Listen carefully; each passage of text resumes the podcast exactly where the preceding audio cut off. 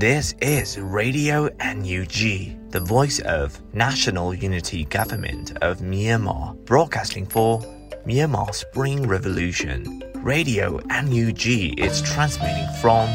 shortwave 16 meter 17.79 megahertz at 8:30 a.m. and 25 meter 11.94 megahertz at 8:30 p.m. Myanmar Standard Time. မင်္ဂလာပါခင်ဗျာ အမျိုးသားညီညွတ်ရေးအစိုးရရဲ့အတန်လွင့်ဌာန Radio NUG ကိုမနက်ပိုင်း၈နာရီခွဲမှာလိုင်းတို16မီတာစက္ကန့်တက်သမ9 MHz ညပိုင်း၈နာရီခွဲမှာလိုင်းတို25မီတာ17တက်သမ6 MHz တို့မှာဓာတ်ရိုက်ဖမ်းယူနိုင်နိုင်ပါပြီမင်္ဂလာအပေါင်းနဲ့ပြည့်စုံကြပါစေအခုချိန်ကစပြီး Radio NUG အစီအစဉ်တွေကိုဓာတ်ရိုက်အတန်မြင့်ပေးနေပါပြီ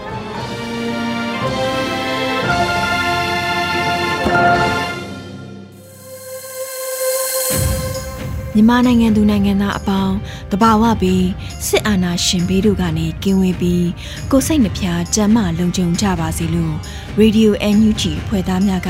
ဆုတောင်းမေတ္တာပို့သလာရပါတယ်ရှင်။အခုချိန်ကစပြီးကာကွယ်ဝင်ကြီးဌာနရဲ့စစ်ရေးတရင်အချင်းချုပ်ကိုຫນွေဦးအလင်ကမှတင်ဆက်ပေးမှာဖြစ်ပါတယ်ရှင်။ကာကွယ်ဝင်ကြီးဌာနအမျိုးသားညီညွတ်ရေးအစိုးရမှထုတ်ဝေတဲ့နေ့စဉ်စီးရေးတရင်ချင်းချုပ်ကိုတင်ဆက်ပေးတော့မှာဖြစ်ပါတယ်။ စစ်ကောင်စီနဲ့တိုက်ပွဲဖြစ်ပွားမှုသတင်းတွေကိုတင်ဆက်ပေးကြပါမယ်။ကရင်ပြည်နယ်မှာမတ်လ23ရက်နေ့ကကရင်ပြည်နယ်လေးကီကောမေထော်တလီဘက်မှ BGF နဲ့စစ်ကောင်စီတပ်ပူးပေါင်းထားတဲ့အင်အားတရာခန့်ပါတဲ့ကားဆယ်စီယာကစောဝါလီတောင်ကြားလဲမှာဝေါ်လီမြို့ကနေလီကျွာသူတက်လာရမှာလေးကီကောယတိကူဗျူးပိုင်ပြတိုက်ကုန်းနဲ့ဝေါ်လီကစောဝါလီတောင်သုံးတက်ကွေဘဒူုံနေရာများမှာ KNU နဲ့တိုက်ပွဲဖြစ်ပွားခဲ့ကြောင်းသတင်းရရှိပါရခင်ဗျာ။ မတ်လ24ရက်နေ့မနက်ပိုင်းကကရင်ပြည်နယ် KNU တပ်မဟာ6နယ်မြေတွင်မြဝတီတောင်ဘက်ဒေါနာတောင်ရှေချမ်းလေးကီကောတိတ်ဘောတူဝေါ်လီဒေတာတို့မှာစစ်ကူစစ်ကြောင်းများအင်အားတိုးချဲ့လာတဲ့စစ်ကောင်စီတပ်နဲ့ KNU တပ်တို့လေးနေရာ၌တိုက်ပွဲဖြစ်ပွားလျက်ရှိကြောင်းသတင်းရရှိပါရခင်ဗျာမတ်လ23ရက်နေ့ကမော်လမြိုင်မှတက်လာတဲ့စစ်ကောင်စီတပ်မ22ဟာ6ဘိန်းကား5စီး4ဘိန်းကား1စီးတို့နဲ့ ကရင်ပြည်နယ်ကြိုင်းစိတ်ကြီးမြို့နယ်တံပရာကျေးရွာအပြင်မှာ KNL တရင်၁9လောက်ခန့်တနေထိတွေ့တိုက်ပွဲဖြစ်ပွားခဲ့ပြီးစစ်ကောင်စီတပ်မှနှုတ်သေးဆုံးခဲ့က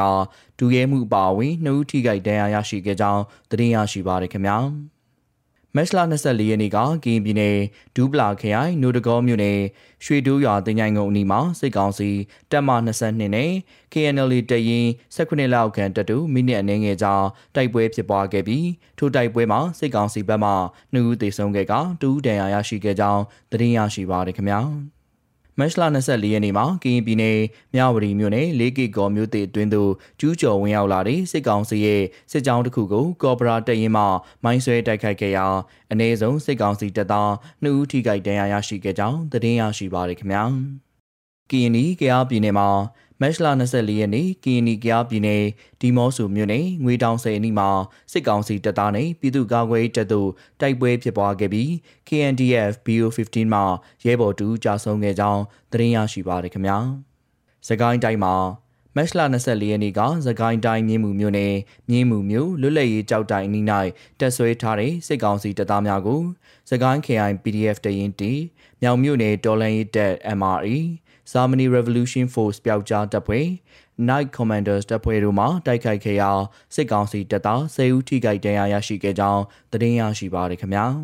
မတ်လ25ရက်နေ့ကသကိုင်းတိုင်းကျွန်းလာမြို့နယ်နောင်ကောက်ကြီးရွာအနောက်ဖက်၌စစ်ကောင်စီတပ်သား100ကျော်နဲ့ကမ်ဘလူခရိုင် PDF တရင်တစ်တို့ထိတွေ့တိုက်ပွဲဖြစ်ပွားခဲ့ကြောင်းသတင်းရရှိပါရခင်ဗျာ မက်လ24ရက်နေ့ကသကိုင်းတိုင်းကတာမြို့နယ်မိုးဒါလီကျေးရွာမှာတမယာကုန်းကျေးရွာဘက်သို့ထွက်လာတဲ့စစ်ကောင်စီတပ်သားအင်အား40ခန့်အားမြင်းနုကျေးရွာအနီးမှာကတာမြို့နယ်ပကဖာမှာမိုင်းဆွဲတိုက်ခိုက်ခဲ့ပြီးလက်နက်ကြီးများနဲ့ပစ်ခတ်ခဲ့ရာစစ်ကောင်စီတပ်သား3ဦးသေဆုံးခဲ့ပါတယ်။မင်းလယ်ကျွော်အနီး၌ကတာမြို့နယ်ပကဖာမှာလက်နက်ကြီးများနဲ့ပစ်ခတ်တိုက်ခိုက်ခဲ့ကြောင်းသတင်းရရှိပါရခင်ဗျာ။မက်လ24ရက်နေ့ကစကိုင်းတိုင်းကတာမြို့နယ် မိုးဒါလီကျွော်မှာတံမြကုန်းကျွော်ဘက်သို့ဒုတိယကြိမ်ချီတက်လာတဲ့စစ်ကောင်စီတပ်သားအင်အား60ခန့်အားကတာမြို့နယ်ပကဖအဖွဲ့တို့မှမိုင်းဆွဲတိုက်ခိုက်ခဲ့ရာစစ်ကောင်စီတပ်သား၄ဦးသေဆုံးခဲ့ကြောင်းသတင်းရရှိပါရခင်ဗျာ မက်လ25ရက်နေ့ကသကိုင်းတိုင်းကတားမြို့နယ်တံပြာကုန်းကျေးရွာနယ်အထက်ဝဲကြီးကျေးရွာကြားမှာစစ်ကောင်စီရိတ်ခါတင်တင်မောနှစ်စီကိုကတားမြို့နယ်ပကပအဖွဲ့မဟာမိတ်အဖွဲ့တို့မှတရားခွင့်ရှော့တိုက်တုံးနဲ့ပြစ်ခတ်တိုက်ခိုက်ခဲ့ရာစစ်ကောင်စီတပ်သားများတေဆုံးမှုများပြားခဲ့ကြောင်းသတင်းရရှိပါရခင်ဗျာ။ မန္တလေးတိုင်းမှာမတ်လ25ရက်နေ့ကမန္တလေးတိုင်းကြောက်စဲမြို့နယ်စက်မှုဇုံတင်နယ်မြေရဲစခန်းအားကြောက်စဲနဂနီပျောက်ကြားတပ်ဖွဲ့နဲ့ PRFK အဖွဲ့တို့ပူးပေါင်းဝင်ရောက်တိုက်ခိုက်ခဲ့ရာစစ်ကောင်စီလက်အောက်ခံရဲစက်နှုတ်သေဆုံးခဲ့ပြီးတော်လိုင်းအင်အားစုများဘက်မှအနေအကင်းစွာပြန်လည်ဆုတ်ခွာနိုင်ခဲ့ကြောင်းသတင်းရရှိပါရခင်ဗျာ။ မတ်လ24ရက်နေ့ကမန္တလေးတိုင်းနထိုးကြီးမြို့နယ်စူပြူကုန်းကျေးရွာနယ်ဝက်လူးကျေးရွာကြားရှိကားလမ်းပေါ်မှာစစ်ကောင်စီများလိုက်ပါလာတဲ့ကားတစ်စီးအားနထိုးကြီးပြည်သူ့ကာကွယ်တပ်ဖွဲ့နထိုးကြီး PDF မှမိုင်းဆွဲတိုက်ခိုက်ခဲ့ပါတယ်။အဆိုပါမိုင်းကွဲပြီးနောက်တိုက်ခိုက်ခံခဲ့ရတဲ့စစ်ကောင်စီများဟာကားလမ်းတစ်လျှောက်ရန်တမ်းပစ်ခတ်မှုများပြုလုပ်ခဲ့ကအနီးနားရှိရွာများအားဝင်ရောက်မှွေနောက်တောင်းကျမ်းသွားခဲ့ကြောင်းသတင်းရရှိပါရခင်ဗျာ။ မတ်လ25ရက်နေ့မနေ့ပိုင်းကစစ်ကောင်စီများဟာကံဦးကြီးရွာမှာဒေသခံအရက်သားပြည်သူများအားလက်နက်ပြချင်းချောက်ခေါ်ယူကာယမန်နေ့မှာမိုင်းဆွဲခံခဲ့ရတဲ့နေရာမှာခြုံများအားရှင်းလင်းခိုင်းခဲ့ကြောင်းသတင်းရရှိပါရခင်ဗျာဆက်လက်ပြီးစစ်ကောင်စီကကျွလွန်တဲ့ရာဇဝမှုတွေကိုတင်းဆက်ပေးကြပါမယ်ချင်းပြည်နယ်မှာမတ်လ24ရက်နေ့က ချင်းပြည်နယ်မတူပီမြို့နယ်ဝေဒူးရွာသို့စစ်ကောင်စီတပ်သားအင်အားတရာကျော်ဝင်ရောက်ခဲ့ပြီးတကောင်စီစစ်ဆေးမှုများပြုလုပ်ကရွာသူရွာသားများရဲ့လက်ကင်ဖုန်းများကိုတင်ယူခဲ့ပြီးရွာသား၃ဦးကိုဖမ်းဆီးခဲ့ပြီးနောက်မတူပီခြေဆိုင်ဗျူဟာတပ်တို့ခေါ်ဆောင်သွားခဲ့ကြောင်းသတင်းရရှိပါရခင်ဗျာနေပြည်တော်မှာမတ်လ25ရက်နေ့က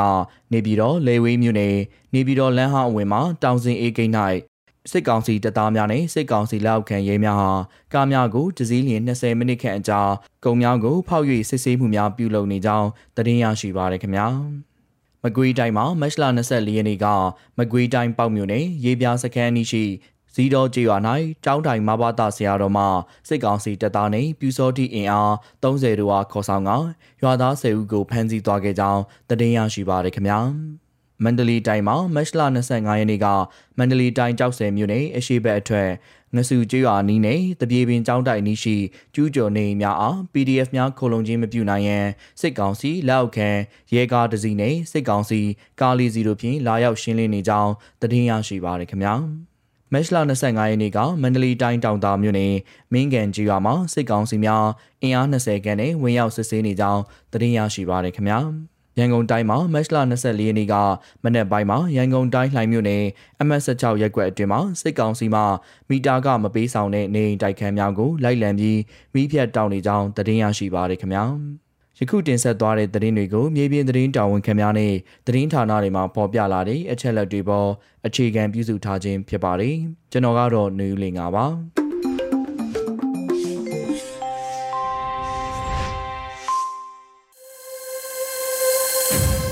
အခုဆက်လက်ပြီးနောက်ဆုံးရသတင်းများကိုຫນွေဦးမိုင်မှတင်ဆက်ပေးမှာဖြစ်ပါရရှင်။မင်္ဂလာပါရှင်။အခုချိန်ကစပြီး Radio UNG ရဲ့မနက်ခင်းသတင်းများကိုဖတ်ကြားပေးပါတော့မယ်။ဤသတင်းများကို Radio UNG သတင်းတောင်ခမ်းများနဲ့ခိုင်လုံသောမိဖက်သတင်းရင်းမြစ်များစီမှအခြေခံတင်ပြထားခြင်းဖြစ်ပါရရှင်။ကျွန်မຫນွေဦးမိုင်ပါ။ ပြည်ထောင်စုလွှတ်တော်ကိုစားပြုကော်မတီနိုင်ငံတကာစစ်ဆိုင်ရေးကော်မတီနဲ့အမျိုးသားညီညွတ်ရေးဆိုရ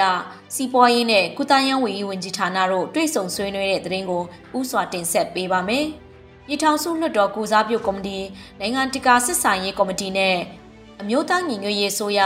စီးပွားရေးနဲ့ကုသရေးဝန်ကြီးဝန်ကြီးဌာနတို့တွေ့ဆုံဆွေးနွေးမှုကို2022ခုနှစ်မတ်လ26ရက်နေ့မွန်းလွဲ2နာရီတွင်ဗီဒီယိုကွန်ဖရင့်မှတဆင့်ပြုလုပ်ခဲ့ပါတယ်။ အစည်းအဝေး၌ CRPH နိုင်ငံတကာစစ်ဆိုင်ရေးကော်မတီဥက္ကဋ္ဌဒေါ်မြင့်တီရာထွန်းနဲ့အမျိုးသားညီညွတ်ရေးဆိုရ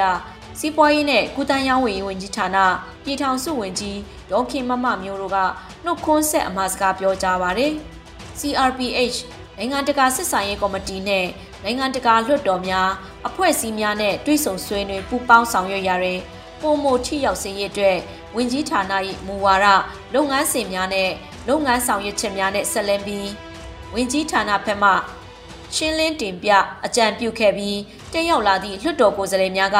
မိခွန်းများမေးမြန်း၍ဆွေးနွေးအကြံပြုခဲ့ကြပါသည်အစည်းအဝေးသို့ပြည်ထောင်စုလွှတ်တော်ကိုစားပြုကော်မတီမှအဖွဲ့ဝင်များဖြစ်ကြသည့်ဦးနေမျိုးဦးရောဘတ်ငေးတယ်နိုင်ငံတကာစစ်စာရေးကော်မတီတွင်ရေးမှူးဦးတင်ကိုကိုဦးနဲ့ကော်မတီဖွဲ့များဥပဒေရေးရာကော်မတီအတွင်းရေးမှူးဦးစော်ဝင်း ပြည်သူ့ရေးရာကော်မတီအတွင်းရေးမှူးဒေါ်အီအီပြုံးဗန္ဒာရေးကော်မတီအတွင်းရေးမှူးဦးနေမျိုးထက်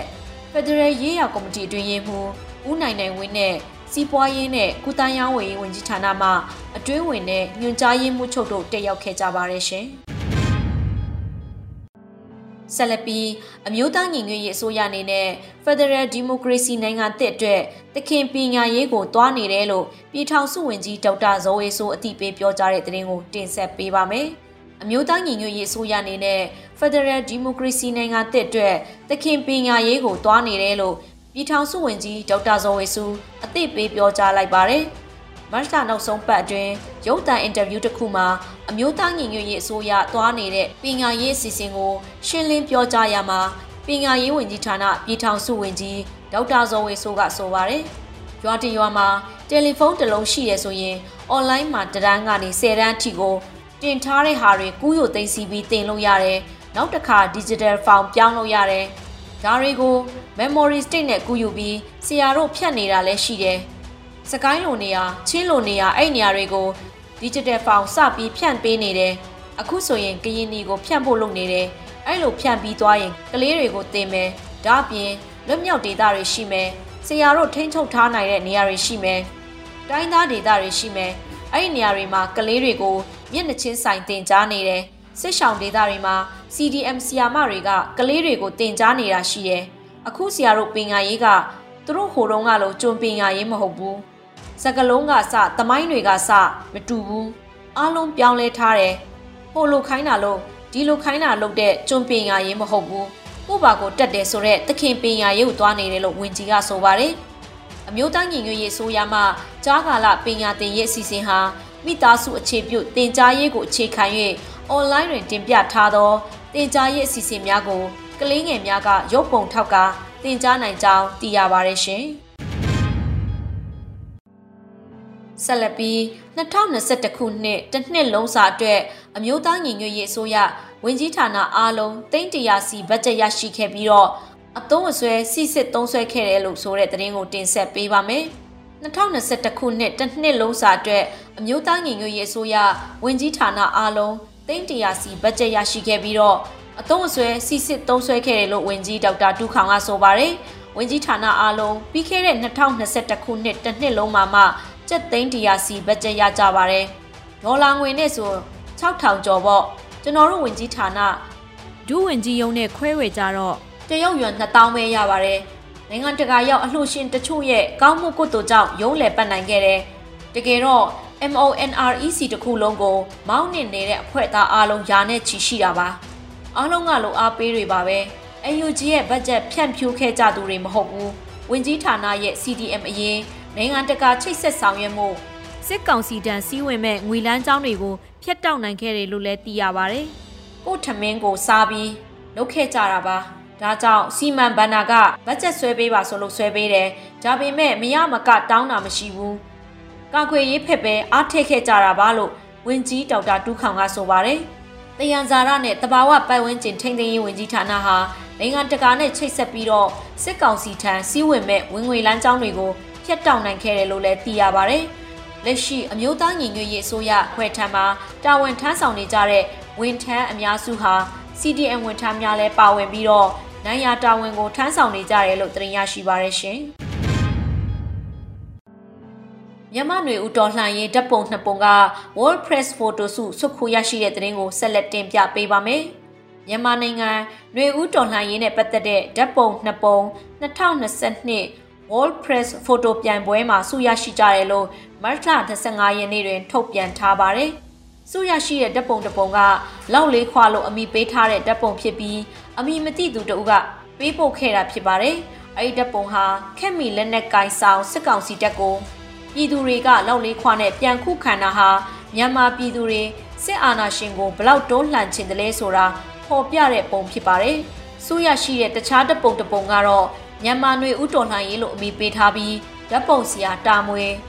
စက်ကာကအဖြူမဲပုံရိုက်ထားတာဖြစ်ပါတယ်ရှင်။ဆက်လက်ပြီး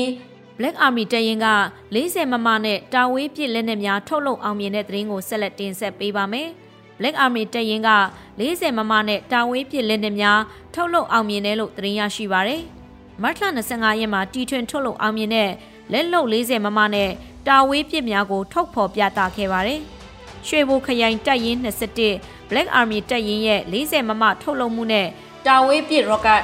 ဂျပန်မှကိုကြီးရဲ့ဤပညာဖြင့်ထုတ်လုပ်သည်လို့ဆိုပါတယ်။စကိုင်းတိုင်းအတွင်းစစ်ကောင်စီတပ်များကို ခုခံရာကားပိုင်းတနက်များ60မမများစနိုက်ပါတနက်များလက်လုံချီချွင်ရာကာကွယ်တပ်ဖွဲ့များပြအောင်မြင်စွာထုတ်လုပ်နိုင်ခဲ့တယ်လို့သိရပါတယ်ရှင်။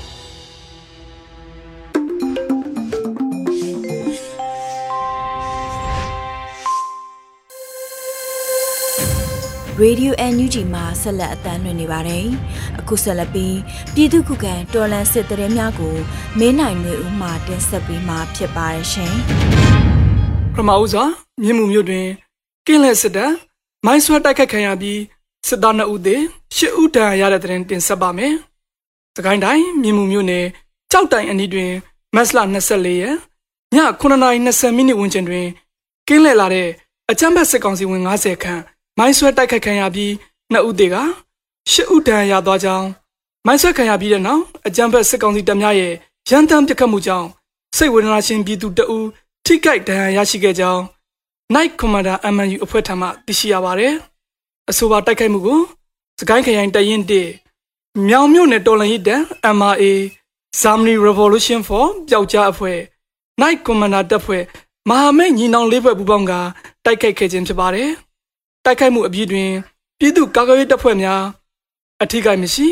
ပြန်လည်ဆုတ်ခွာနိုင်ခဲ့ကြောင်းတော်လှန်ရေးရဲဘော်များထံမှသိရှိရပါတယ်။ဆက်လက်ပြီးရေစကြိုရဲစခန်းနှင့်တောင်သာရဲစခန်းကို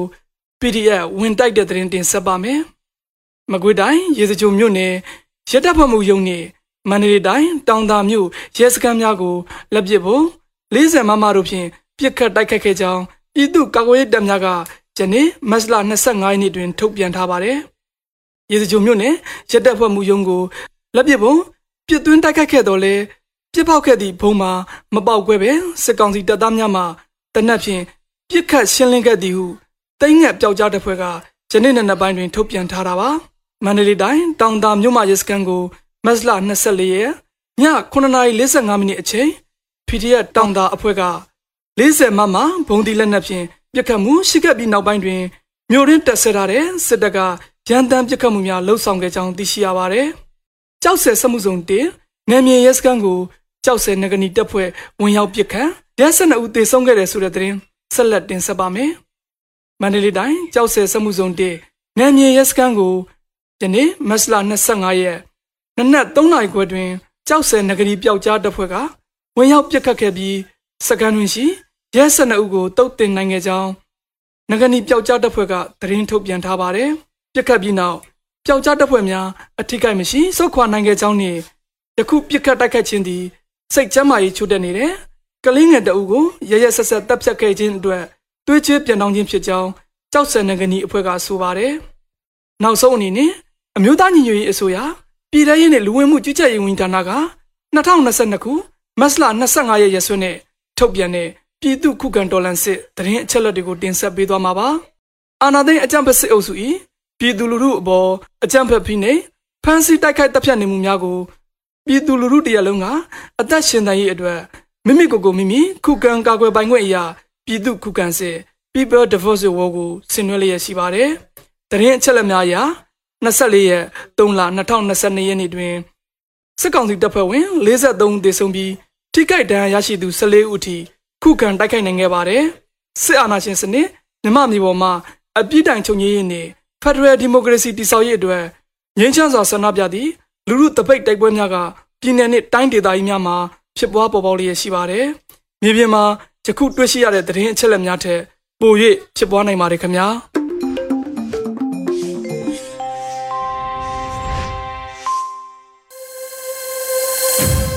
Radio NUG မှာဆက်လက်အသံလွှင့်နေပါတယ်။အခုဆက်လက်ပြီးနေ့စဉ်သတင်းများကိုမျိုးတော်တာမှတင်ဆက်ပေးမှာဖြစ်ပါတယ်ရှင်။ပထမဆုံးတင်ဆက်မှာကတော့ပြည်သူဝန်ထမ်း City MR ကိုတည်တံ့ထောက်ပံ့ကူညီနိုင်ဖို့အတွက် Illusion application ကို CRPH ကမိတ်ဆက်ပေးလိုက်တဲ့ဆိုတဲ့သတင်းမှာ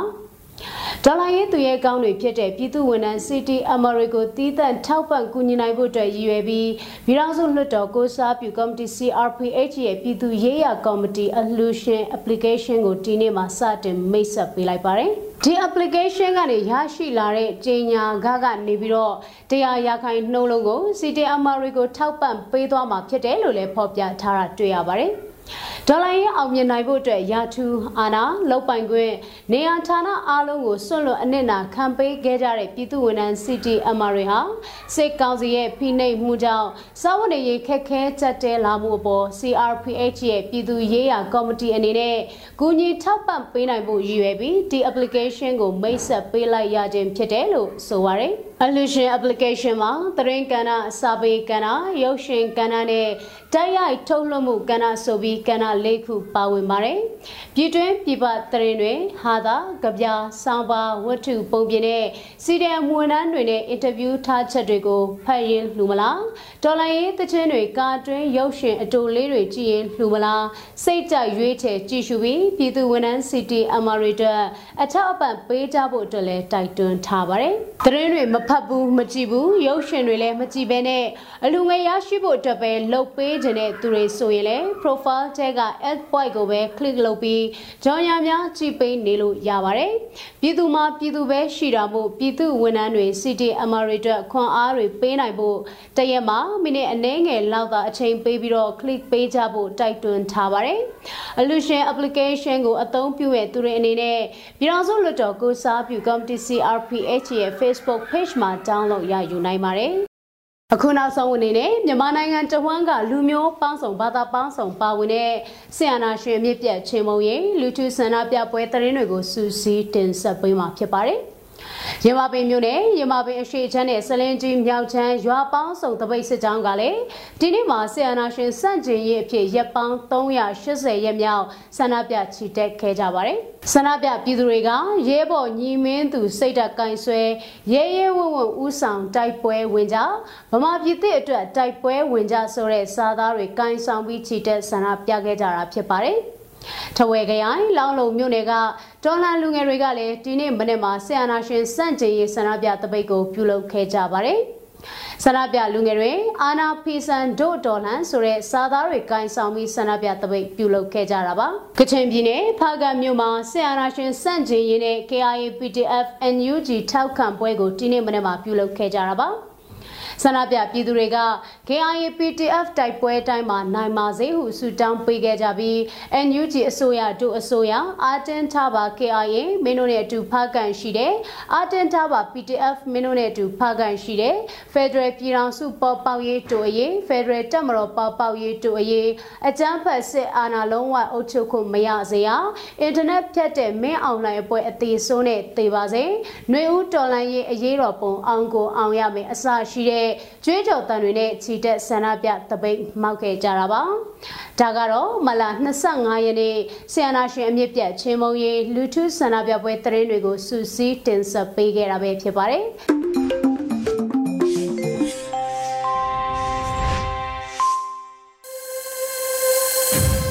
Radio NUG မှာဆက်လက်အသံလွှင့်နေပါတယ်။အခုဆက်လက်ပြီးတိုင်းရင်းသားဘာသာစကားအစီအစဉ်အနေနဲ့ဂျိုးချင်းဘာသာစကားခွဲတစ်ခုဖြစ်တဲ့ဓာတ်ဘာသာစကားဖြင့်တည်င်းထုတ်လွှင့်မှုကိုတင်ဆက်ပေးမှာဖြစ်ပါတယ်ရှင်။ဒီအစီအစဉ်ကို Radio NUG နဲ့ဂျိုးချင်းဘာသာစကားထုတ်လွှင့်မှုအစီအစဉ်အဖွဲ့တို့မှပူးပေါင်းထုတ်လွှင့်တာဖြစ်ပါတယ်ရှင်။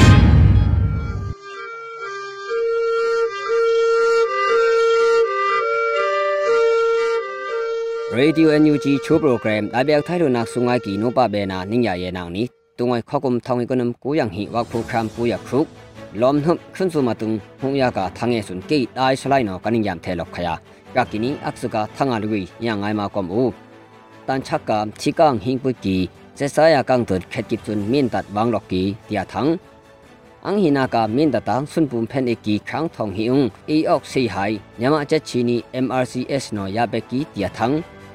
no ya be ki tia thang ak thumna ka khokum thumge ya khru sumna khru khore sanam hu chin amyu ta tor han yi ni bikye tia thang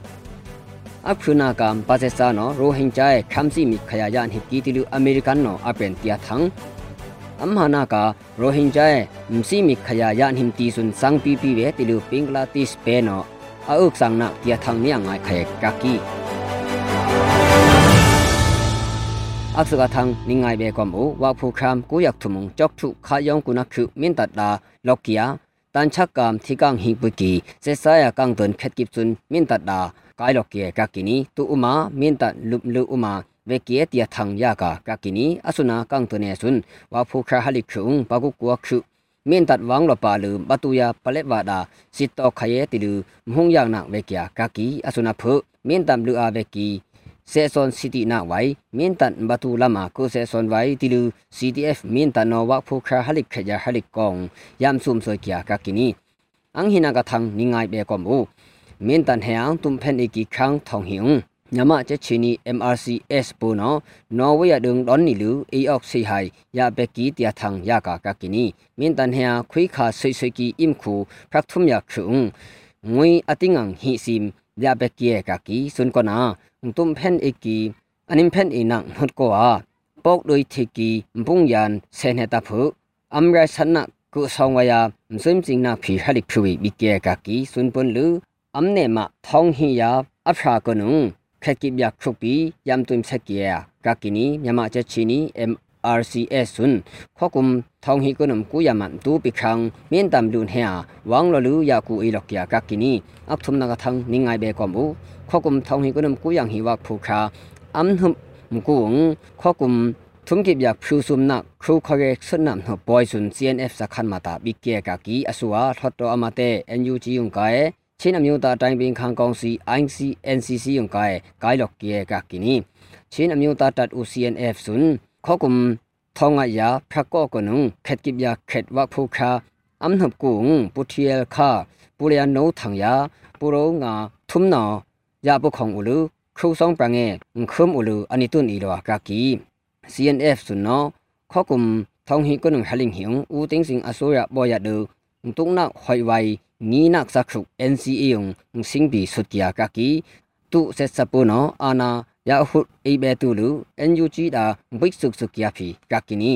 အဖနာကထန်းနိငိုင်ဘေကွန်ဘူ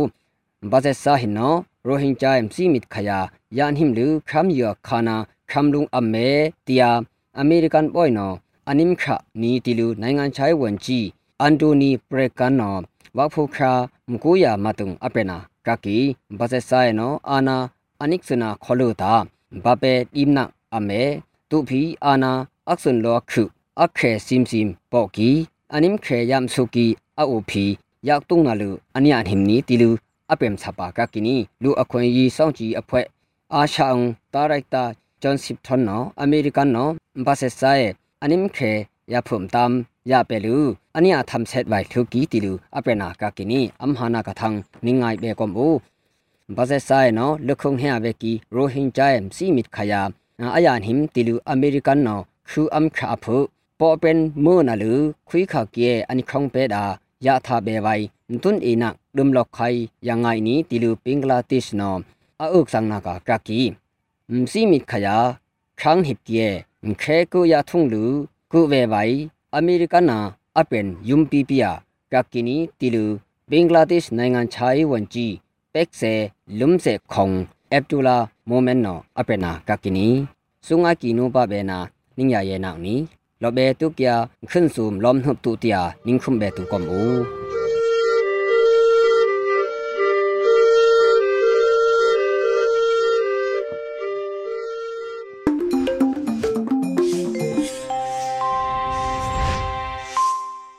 ဒီကနေ့ကတော့ဒီညနေပဲ Radio NUG ရဲ့အစည်းအဝေးကိုခਿੱတရနာလိုက်ပါမယ်။ မြန်မာစံတော်ချိန်မနက်၈နာရီခွဲနဲ့ည၈နာရီခွဲအချိန်တွေမှာပြန်လည်ဆုံးဖြတ်ကြပါစို့ Radio NUG ကိုမနက်ပိုင်း၈နာရီခွဲမှာလိုင်းဒို16မီတာစက္ကန့်တသမ9 MHz ညပိုင်း၈နာရီခွဲမှာလိုင်းဒို25မီတာ17သမ6 MHz တို့မှာဓာတ်ရိုက်ဖမ်းယူနိုင်နိုင်ပါပြီမြန်မာနိုင်ငံသူနိုင်ငံသားများကိုစိတ်နှပြချမ်းမာချမ်းသာလို့ဘေးကင်းလုံခြုံကြပါစေလို့ Radio NUG အဖွဲ့သူအဖွဲ့သားများကဆုတောင်းလိုက်ရပါတယ်။အမျိုးသားညီညွတ်ရေးအစိုးရရဲ့စက်သွေးရေးတရင်အချက်အလက်နဲ့ဤပညာဝန်ကြီးဌာနကထုတ်လွှင့်နေတဲ့ Radio NUG ဖြစ်ပါတယ်။ San Francisco Bay Area အခြေစိုက်မြန်မာမိသားစုများနဲ့နိုင်ငံတကာကစေတနာရှင်များလုပ်အားပေးများရဲ့ Radio NUG ဖြစ်ပါတယ်